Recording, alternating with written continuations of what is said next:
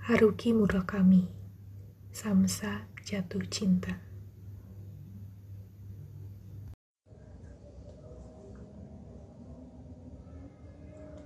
Dia terbangun dan menemukan dirinya telah bermetamorfosis menjadi Gregor Samsa. Dia berbaring telentang di atas tempat tidur, memandang langit-langit. Matanya membutuhkan waktu untuk menyesuaikan lemahnya cahaya. Langit-langit kamar yang sangat umum, yang dapat ditemui di mana saja. Sepertinya dulu dicat putih, atau mungkin krim pucat. Bertahun-tahun dipenuhi debu dan kotoran telah memberinya warna susu basi. Tidak memiliki ornamen maupun ciri khas, tanpa penjelasan, tanpa pesan, hanya memenuhi peran strukturalnya dan tidak menginginkan apa pun lebih dari itu. Ada jendela tinggi di salah satu sisi ruangan, tetapi gorden ini telah dilepas dan papan tebal dipaku menutupi seluruh bingkainya. Ada jarak sekitar satu inci atau lebih di antara papan-papan horizontal itu. Entah disengaja atau tidak, kurang jelas. Matahari pagi bersinar dan cahaya yang masuk menebarkan sederetan garis-garis paralel terang di lantai. Mengapa jendela ditutup dengan cara yang begitu buruk?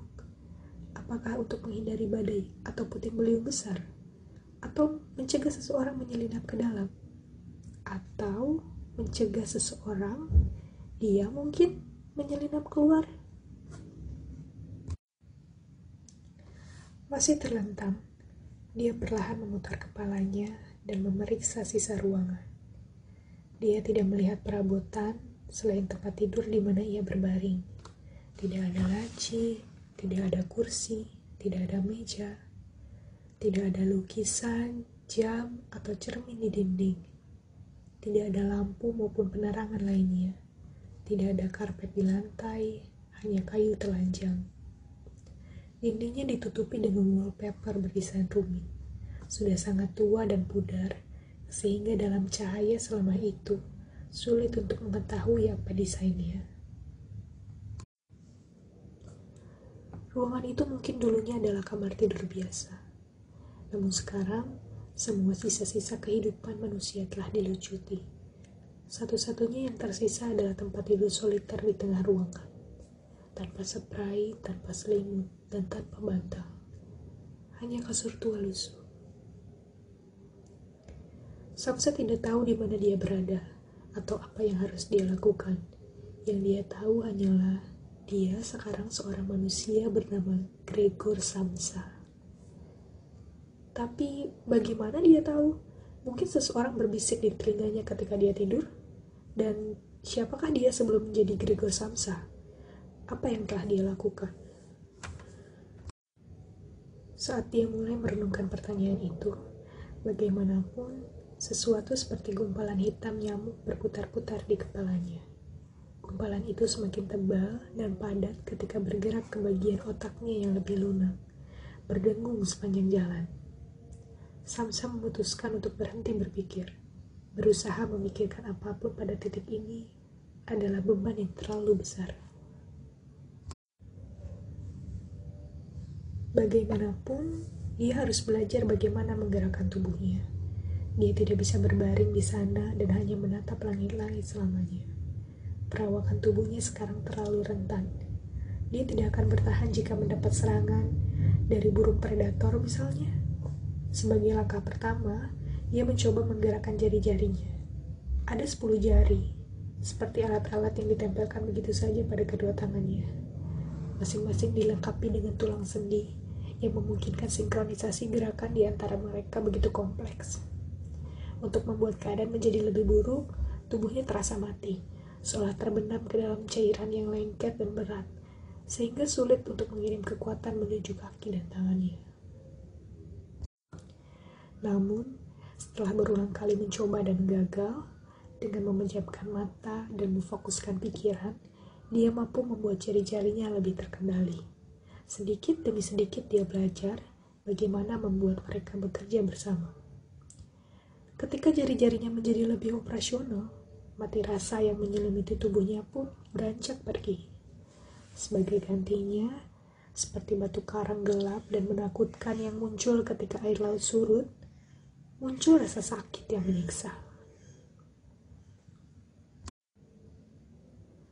Samsa butuh waktu untuk menyadari bahwa rasa sakit itu adalah lapar. Hasrat terhadap makanan ini baru baginya. Atau setidaknya dia tidak ingat pernah mengalami hal seperti itu. Seolah dia belum makan selama seminggu. Seolah pusat tubuhnya sekarang benar-benar kosong.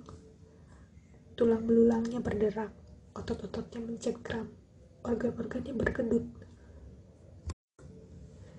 Tidak mampu menahan rasa sakit lebih lama, Samsa meletakkan sikunya di kasur dan sedikit demi sedikit mendorong tubuhnya. Tulang belakangnya mengeluarkan bunyi ketika ia mencoba bergerak. Ya Tuhan, pikir Samsa, sudah berapa lama aku berbaring di sini? Tubuhnya memprotes setiap gerakan, tapi dia berusaha keras dengan mengerahkan semua kekuatan. Akhirnya, dia berhasil duduk.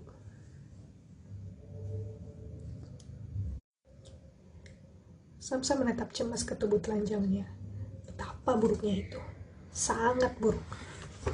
Tidak memiliki alat pelindung diri, kulit putih mulus, hanya ditutupi sejumlah rambut yang tak berguna, dengan pembuluh darah biru yang terlihat, perutnya empuk dan tak terlindungi, alat kelamin yang menggelikan dan tak berbentuk, tangan dan kaki yang kurus, dan masing-masing hanya sepasang, leher kurus kering yang mudah patah, Kepala besar berbentuk aneh dengan rambut kusut di atasnya, dua telinga absurd yang menonjol keluar seperti sepasang kerang laut. Apakah ini benar-benar dirinya? Bisakah tubuh yang begitu mudah dihancurkan ini tidak ada cangkang untuk perlindungan, tidak ada senjata untuk menyerang, bertahan hidup di dunia ini? Mengapa dia tidak berubah menjadi ikan saja?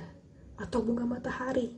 Setidaknya menjadi ikan atau bunga matahari lebih masuk akal daripada menjadi manusia, menjadi Gregor Samsa. Dari tepi tempat tidur, dia menurunkan kedua kakinya hingga menyentuh lantai. Ia terkesiap karena tidak menduga lantai kayu yang kosong itu begitu dingin. Setelah beberapa upaya gagal yang membuatnya jatuh ke lantai, akhirnya dia bisa menyeimbangkan kedua kakinya. Ia berdiri di tepi tempat tidur, merasakan nyeri dan jarum. Sebagai topangan, satu tangannya mencengkram tepi rangka tempat tidur. Kepalanya begitu berat dan sulit untuk ditahan. Keringat keluar dari ketiaknya dan alat kelaminnya menyusut. Dia mengambil beberapa napas dalam-dalam hingga akhirnya otot-otot tegangnya mulai rileks. Begitu sudah terbiasa berdiri, dia harus belajar berjalan. Berjalan dengan dua kaki adalah semacam penyiksaan. Setiap gerakan terasa menyakitkan. Tidak peduli bagaimana dia melihatnya, menggerakkan kaki kanan dan kiri satu demi satu secara bergantian adalah proposisi aneh yang mencemooh semua hukum alam. Sementara jarak antara matanya ke tanah yang begitu jauh membuatnya ketakutan. Dia harus belajar bagaimana menyeimbangkan sendi pinggul dan lututnya. Setiap kali melangkah maju, lututnya gemetar. Tetapi dia tahu, dia tidak bisa tinggal di ruangan ini selamanya. Jika dia tidak segera menemukan makanan, perutnya yang lapar akan memakan dagingnya sendiri, dan dirinya tidak akan ada lagi.